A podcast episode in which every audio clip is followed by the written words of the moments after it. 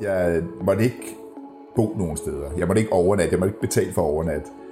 Jeg måtte kun gå ind i to butikker, og jeg skulle grine, når jeg vågnede. Claus Stensbæk rejser ikke som de fleste andre.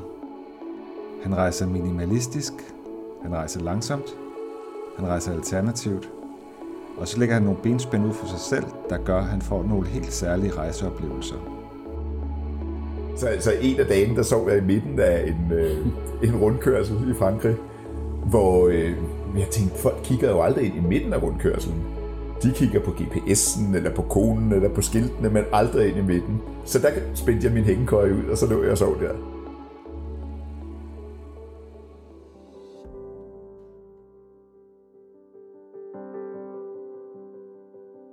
Og velkommen til. Mit navn er Per Sommer, og jeg er din vært her på rejsepodcasten, der hedder Taste the World. Udover at være en rejsepodcast, så er Taste the World også en hjemmeside, tastetheworld.dk, og jeg står bag begge dele. Jeg laver det her, fordi jeg elsker at rejse. Det er mit personlige nebengeschæft.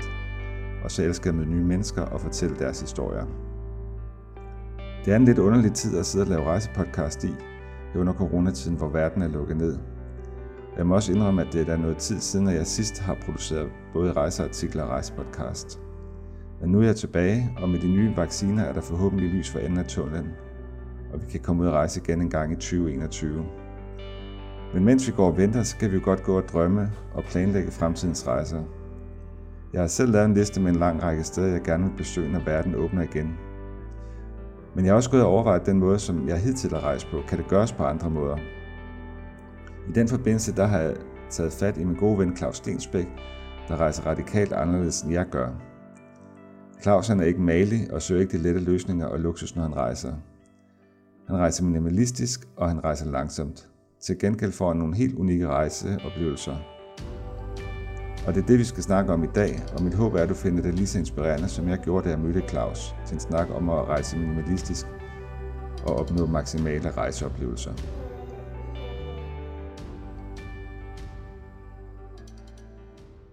Vil starte med at sige velkommen, Claus, og tak fordi du vil være med her i podcasten.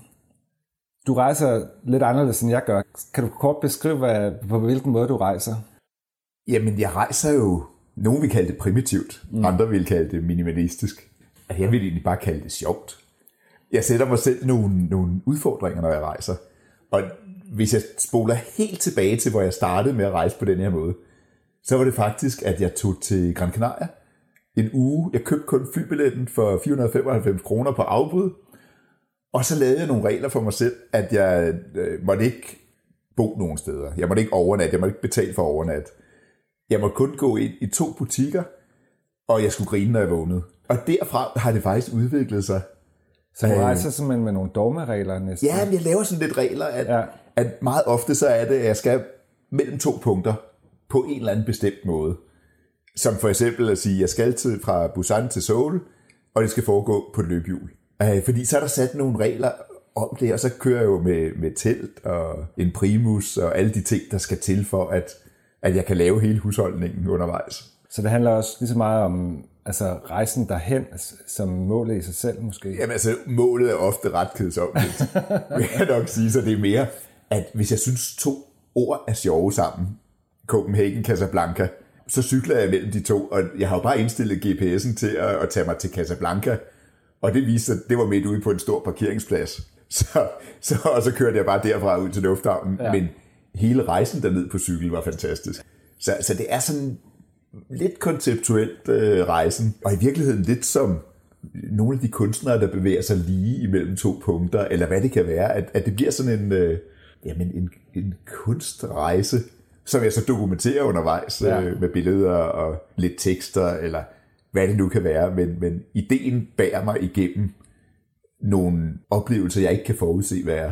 Og den måde, du rejser på, det er jo altid meget fysisk, som jeg kan læse mig ja. frem til. Det er jo enten at vandre, eller cykle, eller løbe i uge, eller hvad du ellers har kastet dig over. Øh. Jamen, jeg tror næsten, det fysiske er det vigtigste. Mm. Fordi jeg, jeg, jeg mistrives ret meget med ikke at kunne være fysisk nok i min dagligdag at jeg har det simpelthen bedst, hvis jeg har cyklet i 6 timer. Men hvor tit har man tid til det? Fordi de fleste, inklusive mig selv, vi tager ud for nærmest at, at slappe af og måske ligge på en solseng eller dages på en restaurant eller et eller andet, men det er noget helt andet, der driver dig, kan jeg forstå. Altså, jeg vil sige det på den måde, jeg, jeg havde dyrket Ironman i mange år, mm. øh, og var så ligesom færdig med den disciplin. Mm. Og så skulle jeg finde en ny interesse, og det blev så at rejse. Og tidligere, der, der har vi jo kastet os ud i sådan noget med at køre jorden rundt i dobbeltdækkerbus, eller sådan lidt mere komfortable rejseformer. Mm. Men det, jeg virkelig havde lyst til, det var at rejse alene, plus at, at rejse på en fysisk måde, så jeg følte, jeg kom i bedre form for hver dag. Fantastisk. Mens jeg lavede noget, der, der var altså, kulturelt spændende, og hvor man kan se, man kommer længere og længere væk hjemmefra. Det er jo fantastisk. Ja. At man kan se klimabælterne forandre sig, og kulturen forandre sig, og maden forandrer sig. Men på den langsomme måde i forhold til at tage et fly? Eller? Stille og roligt, ja. ja. ja. Det, det tog 44 dage at køre til Afrika.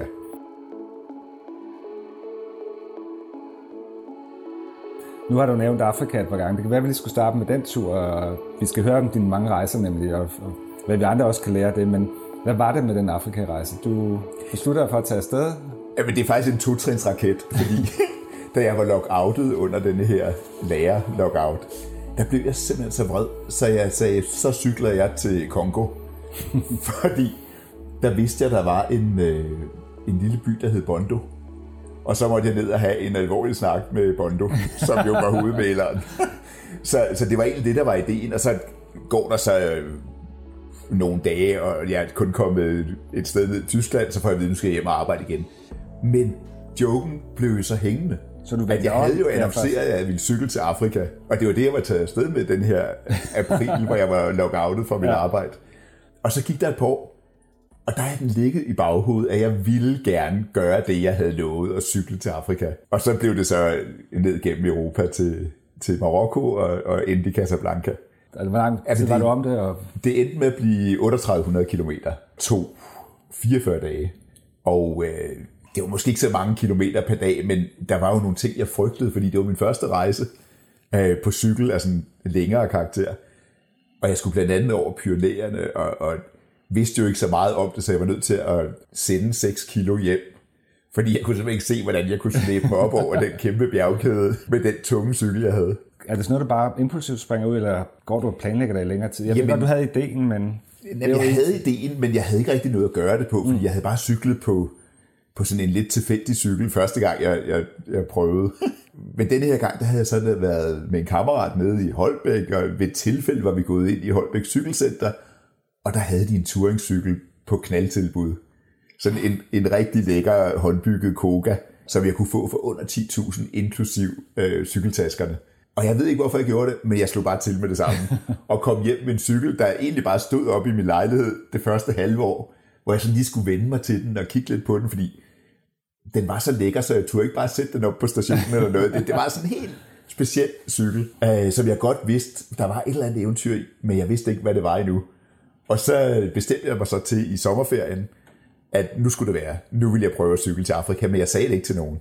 Fordi jeg, jeg vidste godt, at det kunne lige så godt gå galt. Min kammerat Bjørn havde forsøgt at cykle til Afrika, men stoppede i Pyreneerne, og den havde altid ligget som et mareridt for mig. At jeg er jo vant til at gennemføre, når jeg, når jeg laver noget, så vil jeg også kunne gøre det. Så altså først sådan, til sidst, da jeg var kommet ned over Spanien og kunne se, nu, nu tror jeg på, at det kan lade sig gøre at cykle til Afrika jeg vil jo sagt, det er jo højsommer 40 grader i Spanien formentlig. Og... Jamen, de satte simpelthen rekord. Øh, okay. det, var, det var 44 grader den varmeste dag, og, og det var den varmeste dag i 80 år i Spanien, og jeg havde valgt at cykle direkte ind over den andalusiske højslæt, eller hvad den hedder, lige ned igennem, fordi nogen havde fortalt mig, det der skal du ikke gøre, fordi det er ligesom Australien. Og Australien havde jo altid været en drøm, så, så selvfølgelig skulle jeg det. Der tog jeg beslutning om, at jeg skal da op over højsletten. Ja, og det lykkedes så. Og det lykkedes, men det var varmt, og jeg måtte nogle gange tage sådan et tre timers break midt på dagen, hvor jeg bare satte mig ind i McDonald's aircondition.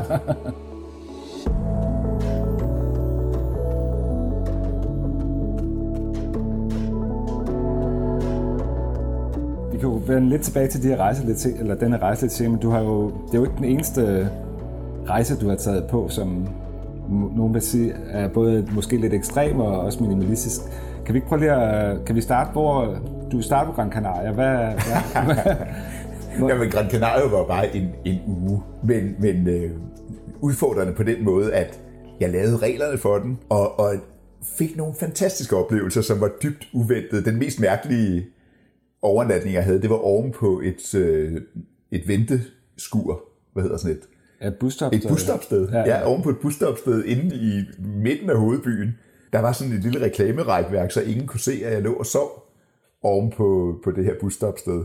Og der grinede jeg jo, da jeg vågnede. Og en anden dag, der vågnede jeg på deres største fodboldstadion med hovedet på straffesparksplætten, og, og tænkte lidt på alle de mennesker, der har siddet og kigget intenst på netop det punkt. Nogen bange, nogen forventningsfulde, men alle sammen virkelig ude i følelsernes... Ja. Øh, så, så den rejse og de overraskelser, det gav mig, det satte sig på den måde, jeg tænkte, jeg skal simpelthen lære at rejse primitivt. Og så tog jeg så den her cykeltur til Afrika, som jeg var ikke specielt dygtig til det, men jeg var modig. Så, så en af dagen, der sov jeg i midten af en, øh, en rundkørsel i Frankrig, hvor øh, jeg tænkte, folk kigger jo aldrig ind i midten af rundkørselen. De kigger på GPS'en, eller på konen, eller på skiltene, men aldrig ind i midten. Så der spændte jeg min hængekøje ud, og så lå jeg og sov der. Og der var ikke nogen, der opdagede det, eller hvad? Der var, ikke, eller der var i hvert fald ikke nogen, der kommenterede nej. det, så altså, jeg tror ikke, der var nogen, der opdagede nej, det. Nej, nej, Folk er jo ligeglade med, at der hænger en hængekøj. De vil jo aldrig tro, der ligger et kvej og så over. Ja, ja. og øh, jamen, så året efter, der, der tog jeg så til øh, Japan, fordi jeg havde gået Caminoen fire gange, og var efterhånden lidt træt af det. Øh, og havde set et lille reklameskilt, et lille klistermærke på Caminoen, der handlede om den japanske Camino, øh, Shikoku 88 hvor jeg så tog over og havde 44 dage til at, at fuldføre den. Og hvor jeg prøvede at, at gøre det på en smart måde ved at starte med et løbehjul, som så gik i stykker efter 400 km, men der er så ekstremt meget øh, asfalt på den tur, så jeg synes, det var en god måde at rejse på, så får jeg ikke de der slag op gennem kroppen. Det virkede. Og det var og så, ikke de der elløbehjul, vi har i København. Nej, nej, nej. Det var, det var et ganske vigtigt stampeløbehjul fra Fætter BR til 249 kroner. jeg kunne godt have købt en lidt bedre kvalitet. øh, men det var jo det var mere at prøve af, om den idé virkede. Så til sidst kunne jeg godt se, at, at jeg var lidt for sent på den. Jeg manglede 200 km og havde kun fire dage til det. Jeg kunne ikke nå at gå 50 km per dag. Så jeg måtte øh, købe en lille bitte cykel. Så jeg købte sådan en, en altså minicykel til damer, hvor jeg var nødt til at folde mit liggeunderlag 16 gange for at, at komme lidt op i højden. Men det satte jo så i gang den idé med at, at tage Japan på en foldecykel. For jeg kunne se, hvor, hvor smart det var med den her klapcykel, at, øh, at den gav en anden frihed, og jeg kunne snit bevæge mig 80 km på en dag, når jeg pludselig havde sådan en lille cykel, der, der var rar at have med. Og så gik der nogle år, så tog jeg en overlov. 16 måneder, hvor jeg skulle finde på et eller andet at lave. Og der havde jeg fået fire yndlingslande. Og det var, det var Japan, det var Korea, det var Australien og New Zealand lande, der på, på en eller anden måde udmærker sig ved, at når man rejser der, så rejser man i økonomisk øjenhøjde med, med dem, der bor der. At det ikke, at man kommer ned som den rige hvide, som bare skal snydes. At der, der er de fuldstændig ligeglade, og, og synes egentlig bare, at, at man har hullet tøj, der lugter. og det var rigtig rart, så det var nogle meget dyre lande. Og det gjorde jeg også, jeg var nødt til at, at virkelig rejse billigt, for at kunne tillade mig at rejse i, i 16 måneder billigt? Hvad, altså, hvad, havde du et budget? Hvad brugte du? Øh? Altså, jeg, jeg brugte omkring 200 kroner per dag, så 6.000 om måneden. Og det vil sige, at 8 måneder i Japan og Korea faktisk kun kostede 48.000 plus øh, rejseforsikring og, og flybillet. Så altså, den type ferie kan ikke gøres billigere. Men føler du så, at du, du rejser billigt? Altså, lider du afsavn, og undgår du at spise nogle dage, eller er du tilfreds nok, når du rejser rundt Jamen, jeg, på det budget? Er, jeg er lykkelig, når jeg rejser på den måde. Ja. Altså jeg har den der fornemmelse af, at jeg ikke spilder et minut. At, at hvert minut på en eller anden måde er intenst og interessant. Men Japan er jo forholdsvis dyrt land, som jeg husker det næsten på niveau med Danmark. Ja. Nogle gange dyrere ja. endda. Så du, når du overnattede, så var det heller ikke på hoteller? Og... Nej, jeg havde mit telt eller en hængekøje nogle ja. gange. Øh, så det var, det var oftest bare udendørs. Og netop i Japan, altså der har de noget, der hedder ikinomishi, som er øh, restepladser sådan nogle truck stops, hvor der altid er en, en strip græs et eller andet sted, hvor man er helt øh, fin med, at, at der bliver slået telte op. Så der var aldrig nogen, der sagde til, noget til det. Og, og faktisk så de her øh, restauranter på restepladserne lukker allerede kl. 18, og efter det, så står deres øh, bordbænkesæt bare, så man kan sove på dem. Og de åbner først igen kl. 8 næste morgen, og der havde jeg jo været væk i, i to timer allerede. Så, ja. så jeg havde fundet et kort over, over de forskellige øh, restepladser. Ja, ja. Og det virkede, fordi så, så havde jeg altid sådan et sted inden for 30 km, hvor jeg kunne sove. Tiltræk du ikke meget opmærksomhed i Japan, når du rejste på den måde? Det kunne jeg næsten forestille mig. Jo, både og. Altså, japanerne er jo meget reserverede. Mm. Så jeg vil sige, at jeg, jeg tiltrækker mig ikke nogen negativ opmærksomhed. Nej, nej. Fordi de accepterer jo, at man er på pilgrimsfærd. Fordi de har meget med, at de vandrer rundt, og de skal tænke over et eller andet stort eller noget. Så, så går de Shikoku 88, eller de går faktisk hele Japan. Okay. Der er rigtig mange vandringsmænd, fordi det, det er en del af det der buddhistiske temperament, at man jamen, hviler i sig selv og accepterer, at folk kan sagtens sove i et tempel eller noget, så jeg havde jeg havde jo også en liste over nogle templer, jeg kunne få lov at overnatte i, hvor det var normalt. Så jeg tiltrak mig opmærksomhed på den gode måde. Altså i otte måneder aldrig at blive smidt væk fra et sted, hvor jeg bare havde sat mit telt op. Det er jo fantastisk. Fordi Japan, det er jo på mange måder, der er, det jo, der er nogle normer og traditioner og sådan noget. Du har, du har været, kunne jeg forestille mig, skilt dig lidt ud og jo, og det var faktisk behageligt, mm. fordi alle vidste jo, at jeg bare var på gennemrejse og de kunne sådan se på min cykel eller, eller på mine vandrestøvler, at jeg var i gang med en eller anden mission, som altså, de i hvert fald ikke ville gå noget for at stoppe mig, men det var meget tit, der var nogen, der kom over med en øl og et æble. Så først den der øh, pilgrimsruten gennem Japan, og så, hvad, hvad gjorde du så? Jo, og så, så, så tog jeg jo, altså på min overlov, ja. der startede jeg i Korea, øh, simpelthen fordi, at Korea har en, ligesom Camino de Santiago, så er der nede på øen Jeju en øh, 425 km lang vandretur. Og det var sådan, at Japan var stadigvæk for koldt at rejse i i april. Så øh, jeg valgte simpelthen at tage ned til Sydhavsøen, og så vandre den tur først, også for at komme lidt i form øh, okay. til alt det, jeg ville lave. så, så det gik der 25 dage med, og så tog jeg længere op i Korea og, og på mit løbehjul løb fra Busan til Seoul, 130 km på tværs af landet. Og så tog jeg til Okinawa i Japan, hvor, Japan. hvor jeg så, jamen så var jeg egentlig bare på dykkerferie, men sad ude i et styrt regnende øh, uvær i 14 dage, og tænkte på, hvad er det, jeg skal lave på denne her tur, fordi jeg havde ikke planlagt noget. Og øh, så sad jeg og googlede ind i det her våde telt, at man kan godt køre på cykel i Japan, det er godt. Og man kan godt køre på foldecykel, og foldecykler er faktisk meget gode rejseredskaber, og Brompton er den bedste. Og lige præcis der, hvor færgen kommer i land, der ligger en Brompton-forhandler. Og så var den beslutning taget. Jeg skulle simpelthen have en foldecykel og køre hele Japan på.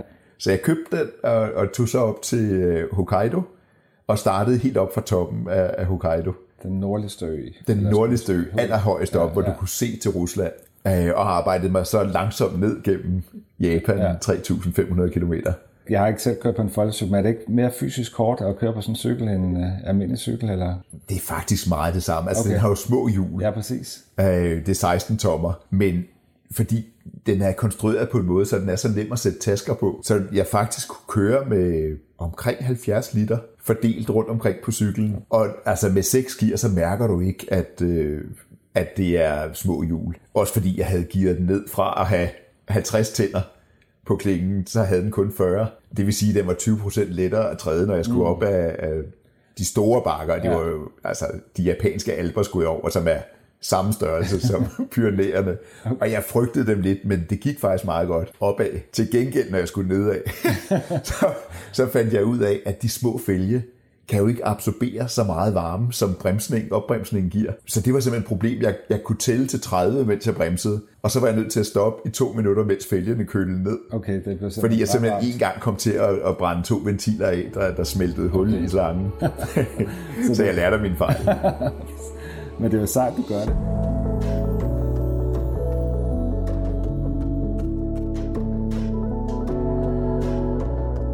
Det der med at vælge et løbehjul og en foldecykel, altså, det er jo det er jo sådan en del af fornøjelsen også, lyder det som om, at du, det er jo ikke de, de lette løsninger, du vælger igen her. Altså, for mig der handler det om at, at møde folk i øjenhøjde. Mm. At, at når man kommer på den måde, gående eller på en foldecykel, som jo er fjollet, en lille lyseblå foldecykel, eller et løbehjul, så, så er man ikke farlig på nogen måde. og man indbyder til samtale. Så, så der var jo mange, der bare kunne lidt engelsk, så ville de gerne snakke med en. Øh, og cykelrytterne var meget imponeret over, at jeg brugte en cykelrute til at, at køre på løbehjul. Ikke? Så, så dem ja. kom man også i en god kontakt med. Ja, ja. Øh, og det, det virker bare som en isbryder. Plus, at man så ikke bevæger sig hurtigere, end at, at jeg virkelig føler, at jeg får sjælen med.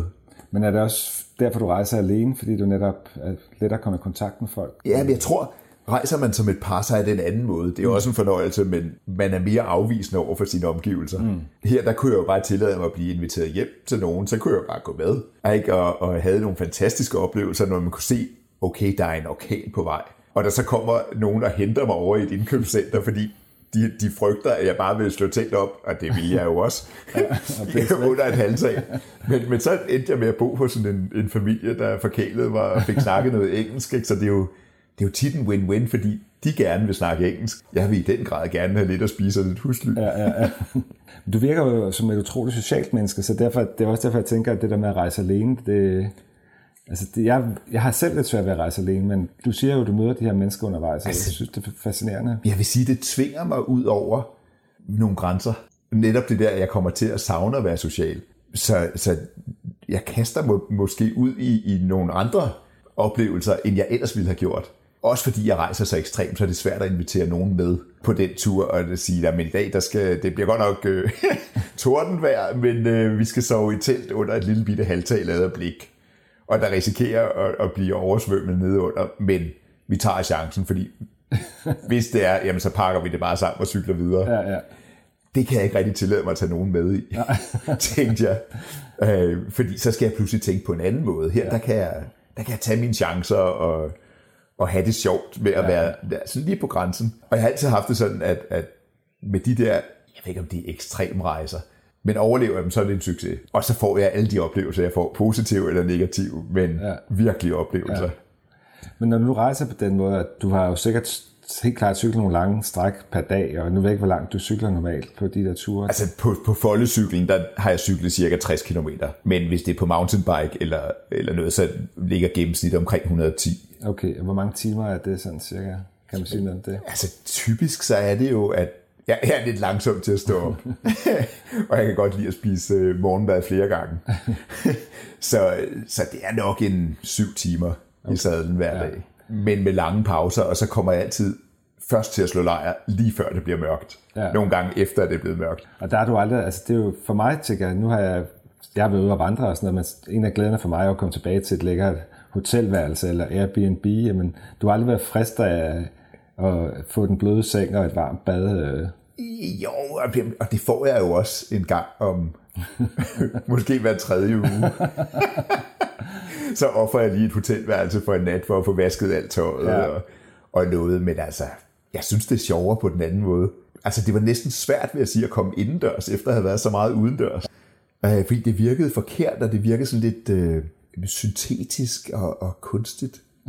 I forhold til, at jeg havde jo været altså udendørs i, i 16 måneder i træk, og hele tiden har fuglelyde, og, og sådan at så bare lukke sin dør. Det er næsten for rent. Ja. ja, jeg synes, det er meget imponerende i hvert fald. Øh, jeg vil, jeg vil bare selv blive sådan lidt, ej, nu har jeg fandme, det har regnet hele dagen, og det har været surt.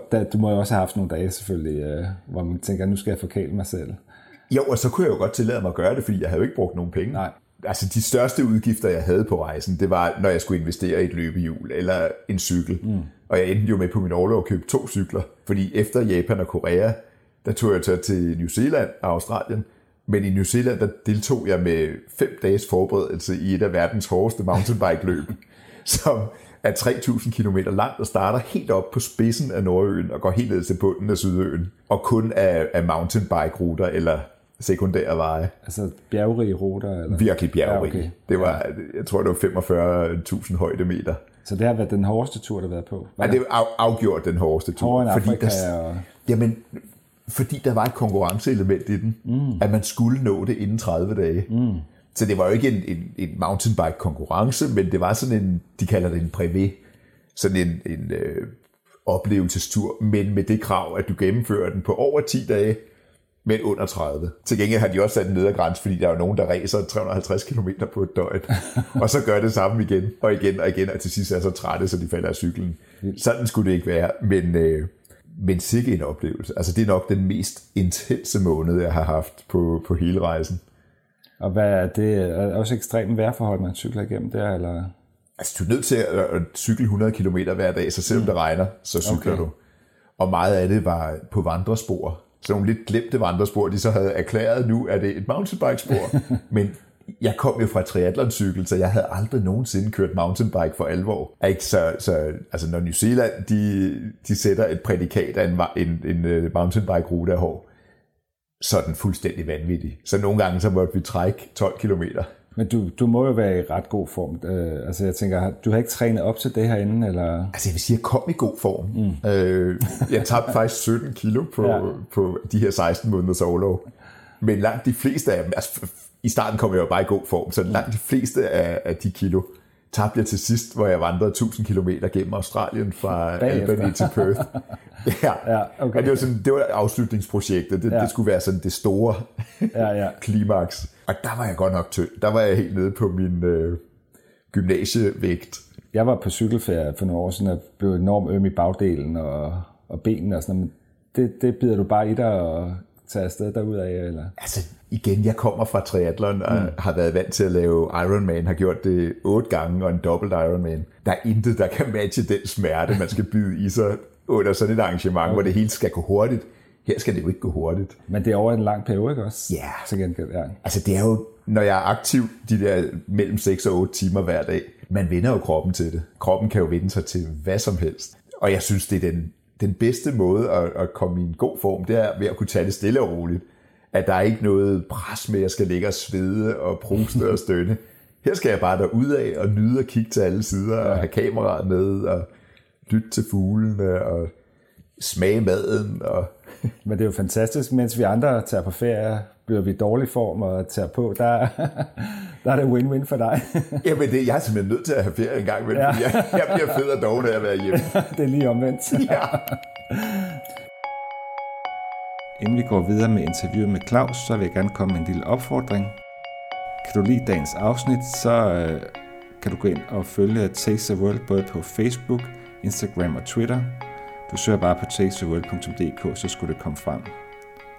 Du kan også abonnere på Taste the Worlds rejsepodcast i din øh, podcast-app, så får du også besked, når der er nyt. Endelig kan du gå ind på tastetheworld.dk og abonnere på nyhedsbrevet, så vil jeg sende dig en mail, hvis der kommer nogle nye afsnit eller nogle nye rejseartikler.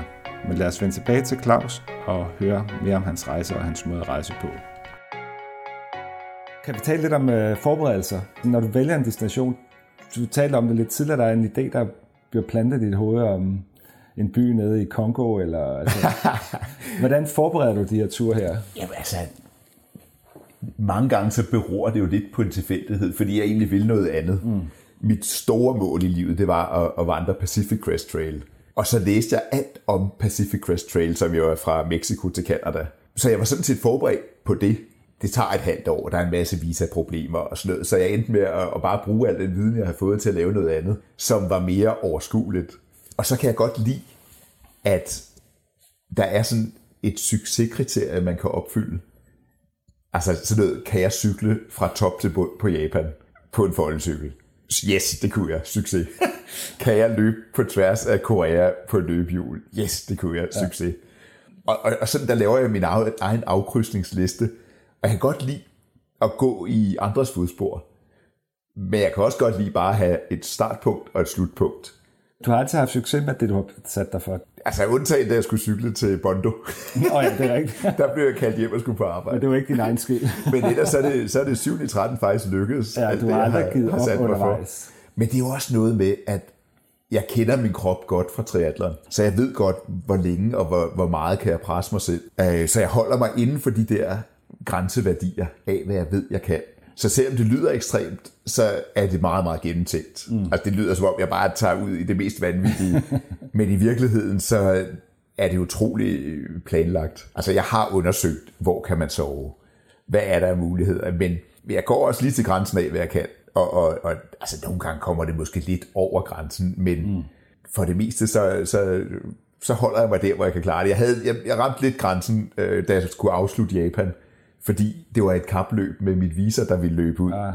Så jeg var nødt til at cykle de, de sidste fire dage maksimalt. Jeg skulle næsten op på 100 km om dagen for at nå ned til, til spidsen.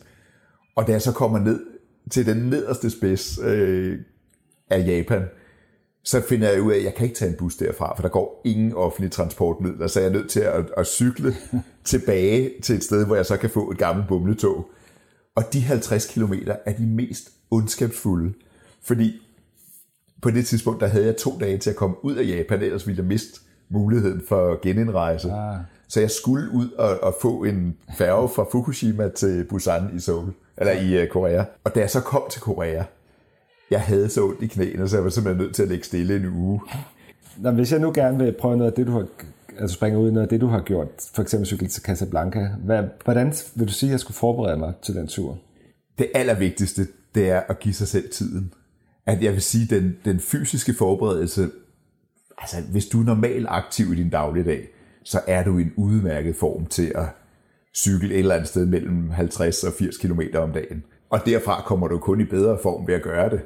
Så, så lad være med at være så bange for at, at starte det op, uden at være i en super god form, men bare have tiden til det, så man ikke har en, en øh, for aggressiv bagkant. Men, men altså, hvis man har to måneder til det, så har man masser af tid, fordi så er det kun 50 km om dagen i snit. Ligger du ruten hjemmefra? Ved du nogenlunde, øh, hvad... Altså, det er lidt forskelligt.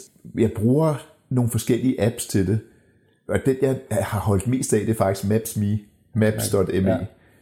hvor der kan du bare plotte en rute ind, og til cykel, og så kan du øh, altså efterhånden improvisere din, øh, din rute, så du bare finder nogle enkelte fikspunkter længere nede. Og den er utrolig god at cykle efter. Fordi der er jo masser af steder i Europa efter, hvor der er motorveje, og man skal jo ligesom ramme landevejene og ja. så videre. Der, det kræver lidt planlægning. Altså, man skal, man skal have lidt planlægning, og, og lige præcis med Afrikaturen havde jeg faktisk lagt det ind i en cykelcomputer, så jeg havde en rute i forvejen planlagt. Mm. Og den var jeg meget glad for, fordi den fortalte mig jo, hvor jeg skulle til højre og venstre, og havde nemlig valgt nogle sekundære ruter. Har du sådan et dagsprogram for hele turen, eller Nej. du tager en dag ad gangen? Eller ja, hvis jeg kan, så lader, så lader det være en lang rute på 3800 km. Ja.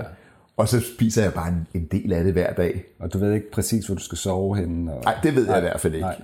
Altså, jeg ved bare nogenlunde, hvad tid det bliver mørkt.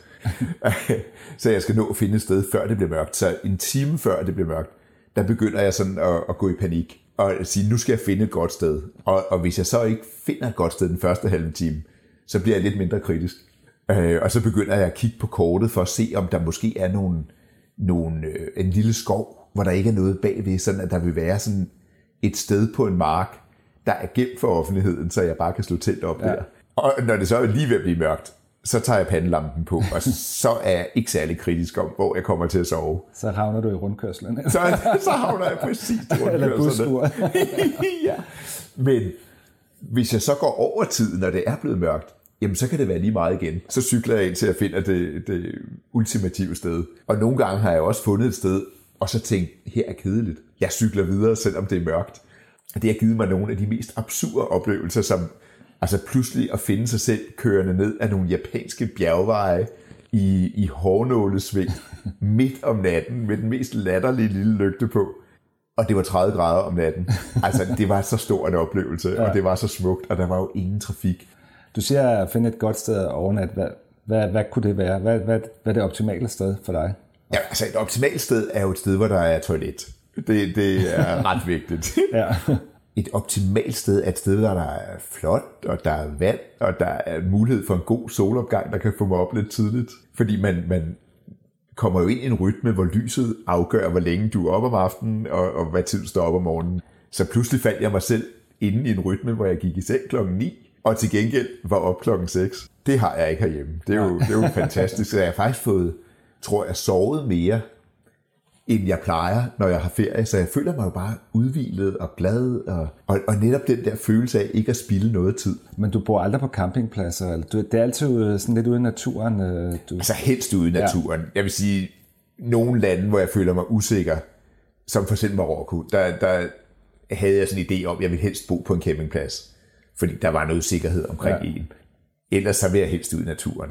Og du er aldrig blevet smidt væk fra de steder, du har fundet? Eller? Jo, det er faktisk en gang. Det var først på New Zealand. Okay. Og, og, og der gik det nemlig op for mig, at når jeg rejser i Asien, i Japan og Korea, så er jeg en fremmed, hvor, hvor det er helt tydeligt, at jeg rejser videre og ikke forstyrrer nogen. Men når jeg så rejser på New Zealand og i Australien, jamen der var jeg bare en almindelig bums. En almindelig øh, landevejs... Du var en af det lokale. ja, præcis. Ja. Der lugtede grimt, og så, der var slet ikke noget spændende ved mig. øh, og der oplevede jeg at blive smidt væk. Der blev jeg simpelthen så skuffet. Fordi jeg kunne huske, hvordan det var at rejse på New Zealand for 30 år siden, mm. hvor jeg følte mig velkommen alle steder. Men der boede jeg også på campingpladser. nu var jeg bare pludselig sådan en, en hjemløs, øh, der lugtede. Men på alle de ture, du har haft, så er der faktisk kun en eller to gange, eller hvad du har måttet flytte dig? Faktisk kun én gang, ja. ja. Selvom jeg har, jeg har udfordret systemet. Ikke? Ja. At selv i Tokyo, der boede jeg foran en parlamentsbygning. der havde jeg simpelthen slået teltet op en, en fredag aften, hvor alle var i byen, og, og nogle gange så kom de hen og sagde skål. Og der var aldrig nogen, der sagde noget, noget grimt til en, men, men bare synes, det var da sjovt. Nå, jamen, der er jo heller ikke nogen, der skal bruge det der før på mandag. det gør ikke noget.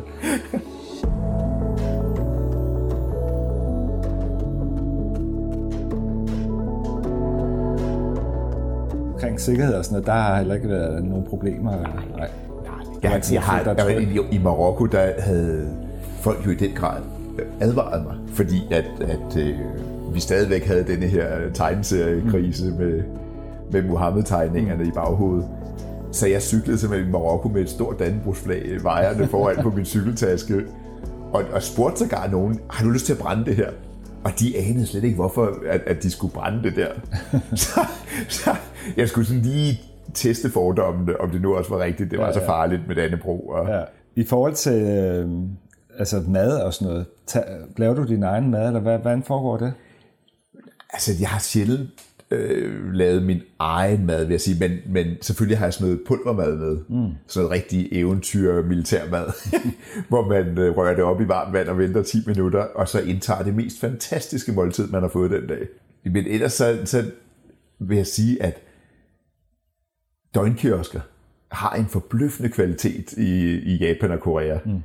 At man kan simpelthen, jamen altså en bak sushi koster 15 kroner, og øh, kimchi og chili gør simpelthen, at alt får en, en meget intens smag. Mm. så, så jeg har haft nogle fantastiske øh, spiseoplevelser i Family Mart og 7-Eleven. ja. og måske stiller jeg ikke så store krav til, til spiseoplevelserne, som du gør. Jeg har ikke sådan behov for... Jeg vil jo gerne ud på en lokal restaurant og have en ejensret, eller det gør du også, eller? Jamen, det, det ender jo sådan ved at gøre ja. mange gange alligevel, fordi det er den restaurant, der er. Ja. Men men jeg vil sige, altså, når du cykler så meget, som, som jeg har gjort på de her rejser, så er der en regel, der siger, at øh, du skal spise så meget du kan, hver gang du kan. Og hvis jeg gjorde det på lokale ejensret restauranter, så ville jeg være ruineret. Ja, ja. ja fordi hvad, hvad betyder kosten, i, når man cykler 50 km om dagen? Ja, men det, det må betyde noget, tænker jeg. Det, det er jo hele evnen til at komme videre mm. ligger i, at, at kosten er i orden. Så en masse så, kulhydrater. Og... Altså jeg opdagede, at jeg har det utrolig godt øh, af ris. At det virkelig giver mig energi, hvor, hvor kartofler kan godt gøre lidt det modsatte. Jeg bliver træt af kartofler, men utrolig aktiv af ris. Så er Japan jo også det rigtige sted.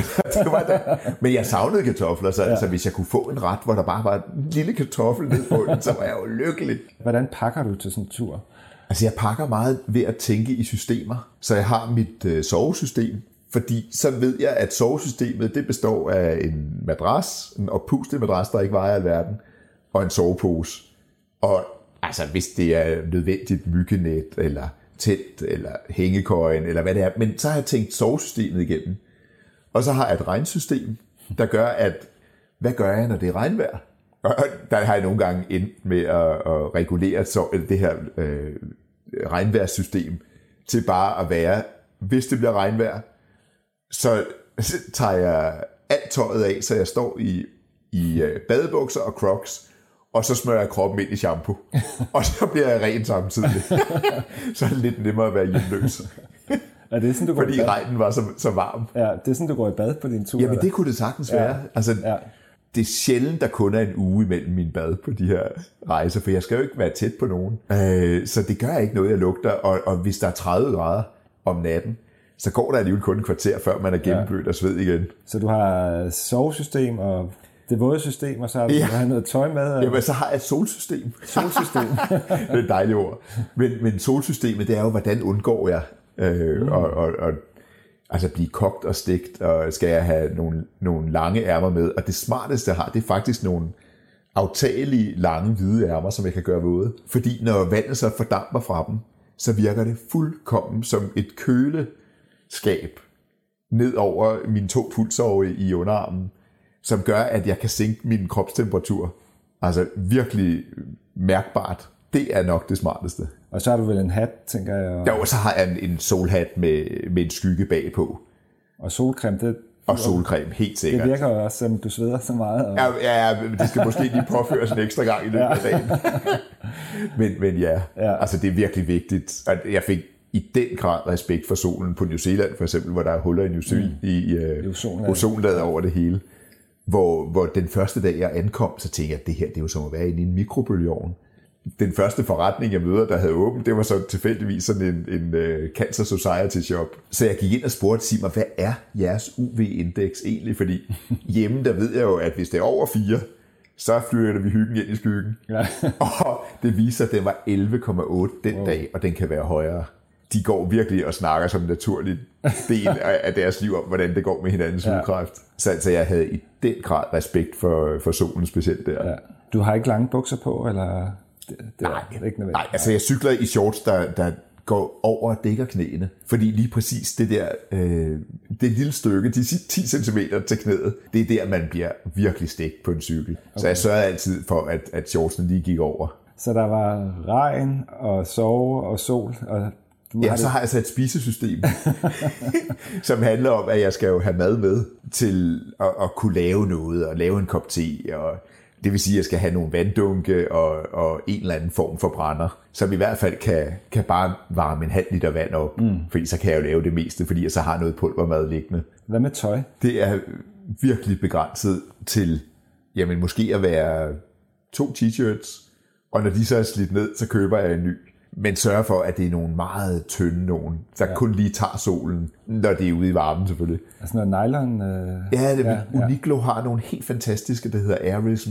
De er virkelig tynde, og man kan bare øh, skylle dem op i vand, så er den ren, og man kan tage den på våd. Den tørrer på kroppen i løbet af 10 minutter. Og hvad har du ellers med tøj? Bukser? Og... Jamen, så har jeg et par, par shorts, der kan sibes af på med mm. nogle lange ben. Så jeg tænker virkelig, at tingene skal være multifunktionelle. At der er jo ikke grund til at have to bukser, hvis jeg kan nøjes med en, der kan, kan tages af. Og så underbukser og strømper og... Jo, strømper er højt prioriteret, specielt hvis det er vandring, ikke? Så, så har jeg faktisk fire på uldstrømper med. Fordi så kan man tillade sig at skifte hver halvanden time, og så sætte dem fast mm. på en rygsæk eller en cykeltaske, ja. og så, så er de ligesom friske igen. Ja, ja. Men jeg synes i hvert fald du også, du har et kommunikationssystem og noget strømsystem, ja, jeg har set på Det Facebook. er rigtigt. Det er noget af det vigtigste. jeg, har jo, jeg har jo kamera med, og, og bruger meget at skrive på Facebook, mm. hvor, hvor man kan følge mig, når jeg rejser. Og det kan alle gøre. Det kan alle gøre. De er super velkomne. Der, der er ikke nogen restriktioner. Nej, nej. Øh, Jeg elsker at fortælle historier. Ja, ja. øh, Og du Specielt når jeg er undervejs på en rejse, så er det en fin måde at holde kontakt til sit bagland på. Ja. Så man føler sig nogle gange mere ensom, hvis man er herhjemme, end når man er ude at rejse i den dybeste jungle, ja. men med Facebook. Men hvad har, altså du har kamera med? Og jeg har kamera med, og som regel også et GoPro og, og en telefon. Og så skal jeg jo kunne lade mine øh, altså lamper op til cyklen, eller øh, pandelampe, hvis jeg vandrer. Så det vigtigste, jeg har, det er faktisk mine powerbanks, som kan lades op, enten hvis jeg er inde på en eller anden form for øh, tankstation eller restaurant, så sætter jeg den lige i, i, i sådan en skinne med plads til tre, så de kan lade op alle tre på én gang. Og med sådan tre, der er fuldt ladet op, der har jeg faktisk øh, strøm til minimum 10 dage. Så det har været løsningen. Nogle gange så har jeg kørt med solceller, men man ved aldrig efter nogle overskydede dage. der, der er det faktisk mere effektivt med, med den her tankstationsopladning. Og det er sådan stort set det, du har med så på din tur. Jamen, det er faktisk tæt på.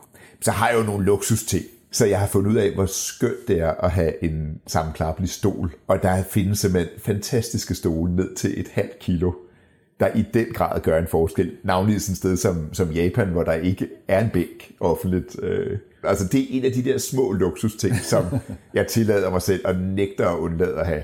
Har du noget altså underholdning med? Jamen, jeg bruger lydbøger. Så, så jeg fandt jo simpelthen ud af, at jeg selvom jeg var på farten, for eksempel i Korea, havde internetkontakt alle steder. Det vil sige, at jeg kunne høre en lydbog fra biblioteket. Så jeg har aldrig læst så meget, som da jeg cyklede i Japan og Korea. Hvilket jo var fantastisk.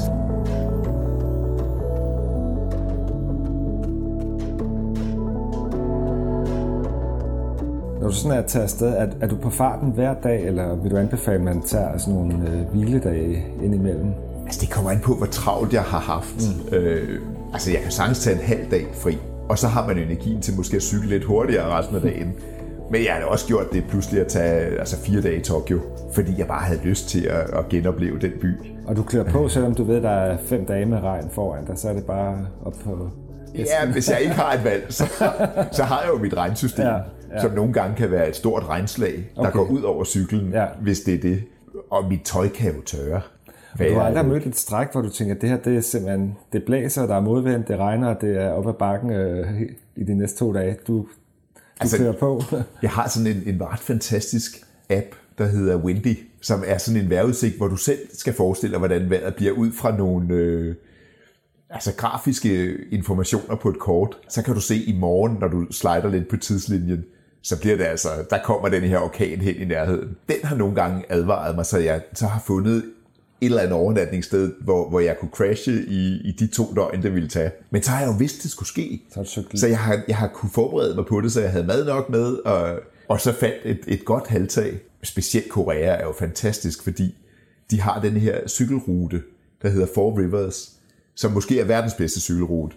2500 km ren cykelsti, supercykelsti, hvor der for hver tredje kilometer er et sted, du kan overnatte i en Chongja, sådan en øh, picnic-shelter, mm. vil vi kalde det, otkantet picnic-shelter, der ser meget religiøst ud, men overhovedet ikke er det. Det er bare der, de selv spiser picnic-mad, hvis det regner. Og så er der offentlige toiletter med musik og toiletpapir og fuldkommen ren. Så, så det er simpelthen så nemt at rejse i Korea. Og så har de gjort det, at på de 2500 km cykelsti, er der opstillet 85 telefonbokse, som i hver af dem er der et stempel. Og du køber så en lille bog for 2 dollar, som du stempler alle de her ting i, og, og når du så har gennemført turen på tværs af Korea, som er 630 km, så får du en medalje og et diplom på koreansk. Meget, meget smukt. Men hvis du gennemfører uh, The Four Rivers, som er den originale tur, der, der er langs de fire hovedfloder, så får du en anden medalje. Og hvis du så gennemfører Grand Slam, som er de der cirka 2500 km, alle telefonboksene, så får du bare den flotteste medalje. Gennemførte du den, eller? Ja. Okay, den store. Det gjorde jeg på 42 dage på, ja. på min uh, folkecykel. Når man kører på de der lidt mere designerede ruter, er, er der så et fællesskab blandt de andre rejsende, eller møder man nogen, eller er det så øget? Altså, jeg vil sige, man møder ikke særlig meget, fordi det er ikke en, en rute, de har opreklameret. Mm. Og øh, altså, de få, man møder, er det jo, det er jo fantastisk. Mm. Altså, der stopper man og skal høre hele hinandens livshistorie, og ja. allerhelst spise middag sammen om aftenen. Nogle gange, så har det jo været de mest vilde oplevelser. Jeg kan huske en gang, der, der var vi strandet sådan et, et sted i, der var noget overnatningsfacilitet, og, og vi var mig og en, et par fra Holland eller sådan noget lignende. Og så var der en japansk gut, der cyklede rundt med en stor dukke, som han sagde var sin far. Og altså, jeg tænkte ikke rigtig over det på det tidspunkt. Det først bagefter, det har slået mig, hvor, hvor mærkeligt det var, han, han cyklede rundt med sin afdøde far som sådan en, en, en symbol. Hel, øh, jamen, som symbol, han ja. skulle vise faren hele Japan. Og, og, og så bliver vi så inviteret ind, det her, den her mærkelige flok mennesker, af en eller anden øh, buddhist, der skulle lave en aftenseance, hvor vi så kunne komme til at spise med, og, og, og ligesom gå ind i familien den dag i deres eget lille hus øh, alter, og, og, og, og gennemføre den her ceremoni. Det var helt fantastisk, fordi der havde de jo nogle remser, de messede, meget buddhistisk og med små klokker og sådan noget lignende. Og manden af de to øh, tyskere eller hollænder, hvad det var, han sagde simpelthen, at han havde aldrig været så dybt nede i matematiske tanker, han var matematiker, som netop under den her seance, hvor han bare blev ved og ved og ved med at grave sig ned i et eller andet, øh, et eller andet tankespil. Meditativ. Jamen, det var nemlig ja. meget meditativt. Og så spiste vi det, og så tog vi tilbage. Altså, der opstår de mærkeligste situationer, Ja, ja, ja. og man bestemmer sig til at sige ja til, at når der opstår noget mærkeligt, jamen altså, folk vil en det bedste, Ja, ja, og, ja. og de får noget ud af det, vi får noget ud af det. Når du sådan rejser ud, du, du opsøger aldrig de der ting, man må sige, som Eiffeltårnet i Paris, eller... altså, det lyder ikke sådan, hvad Da, da jeg cyklede til Afrika, der undgik jeg faktisk både Paris og Madrid, selvom jeg kunne have cyklet lige igennem. Ja. Øh, Så du, alt det, der står på top 5-listen, Ja, det, det, det er faktisk undgår du. en, en advarselsliste, tror jeg. Men- Medmindre man virkelig savner Ja. ja. øh, europæere, så, så er det faktisk rigtigt, at jeg, jeg altså, får meget mere ud af et eller andet lille hengemt øh, buddhistisk tempel, som ingen nogensinde øh, har, har besøgt, end jeg får af, af de store øh, turisthelvede, Ja, ja. Hvor, hvor du kan købe dem med hjem som en souvenir.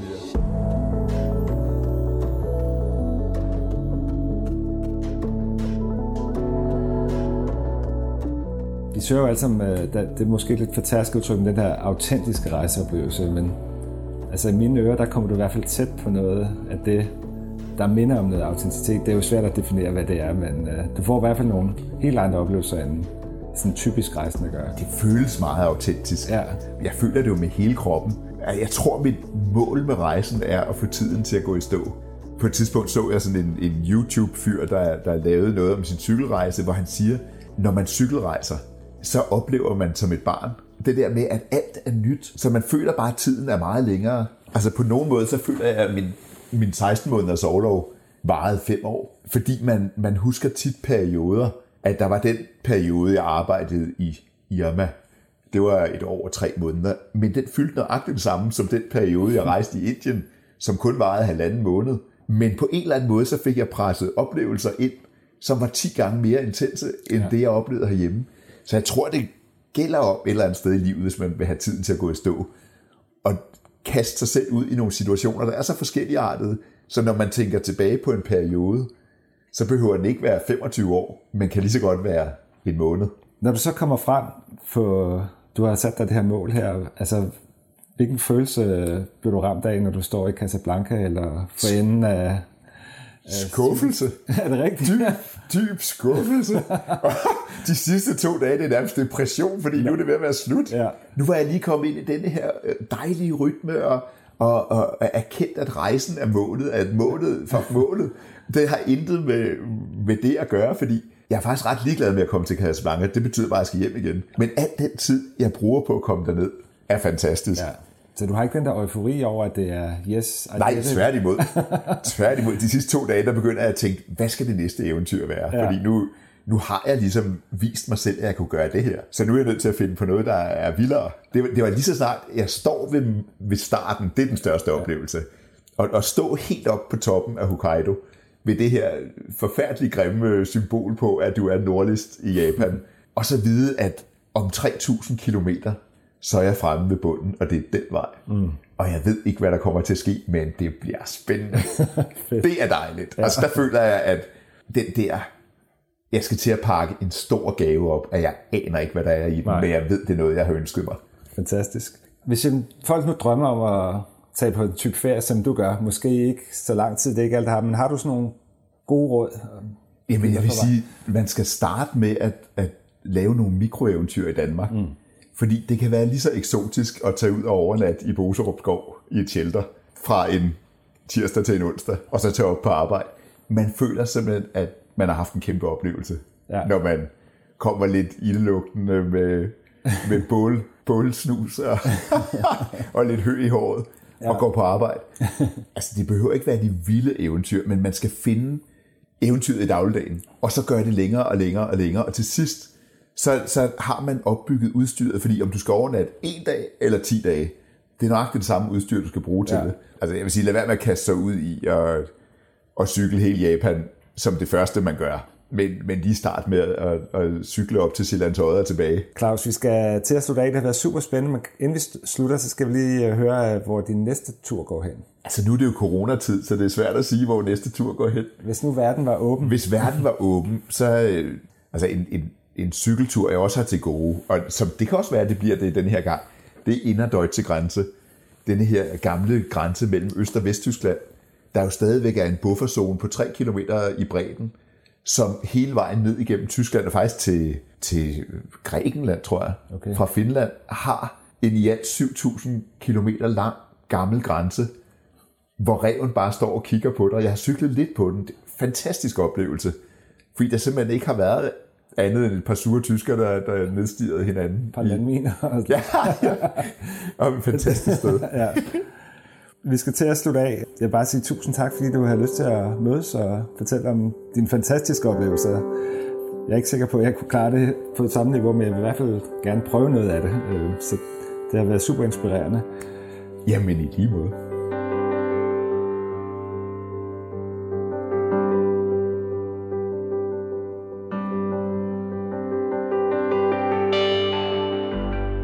Så er vi til vejs ende i dagens øh, afsnit, og tak fordi du lyttede med hele vejen. Og stor tak til Claus Stensbæk, fordi han har lyst til at være med og fortælle om hans mange rejseoplevelser og hans måde at rejse minimalistisk på. Jeg håber, du blev inspireret, det gjorde jeg i hvert fald. Hvis du har lyst til at have flere rejsepodcasts, så kan du søge på Chase the World i din podcast-app. Lytter du med på din iTunes podcast-app, så bliver jeg rigtig glad, hvis du gider at give en kommentar og nogle stjerner med på vejen. Du kan også gå ind på chasetheworld.dk. Her ligger alle mine rejsepodcast også, og her ligger også en masse rejseartikler fra Danmark og resten af verden. Du kan følge Taste the World på Facebook, Twitter og Instagram. Musikken, du hørte det afsnit, det var fra YouTube, og det er musik, der kan bruges uden rettigheder. Jeg vil slutte af for nu, og jeg håber, vi lyttes ved igen. Hej hej.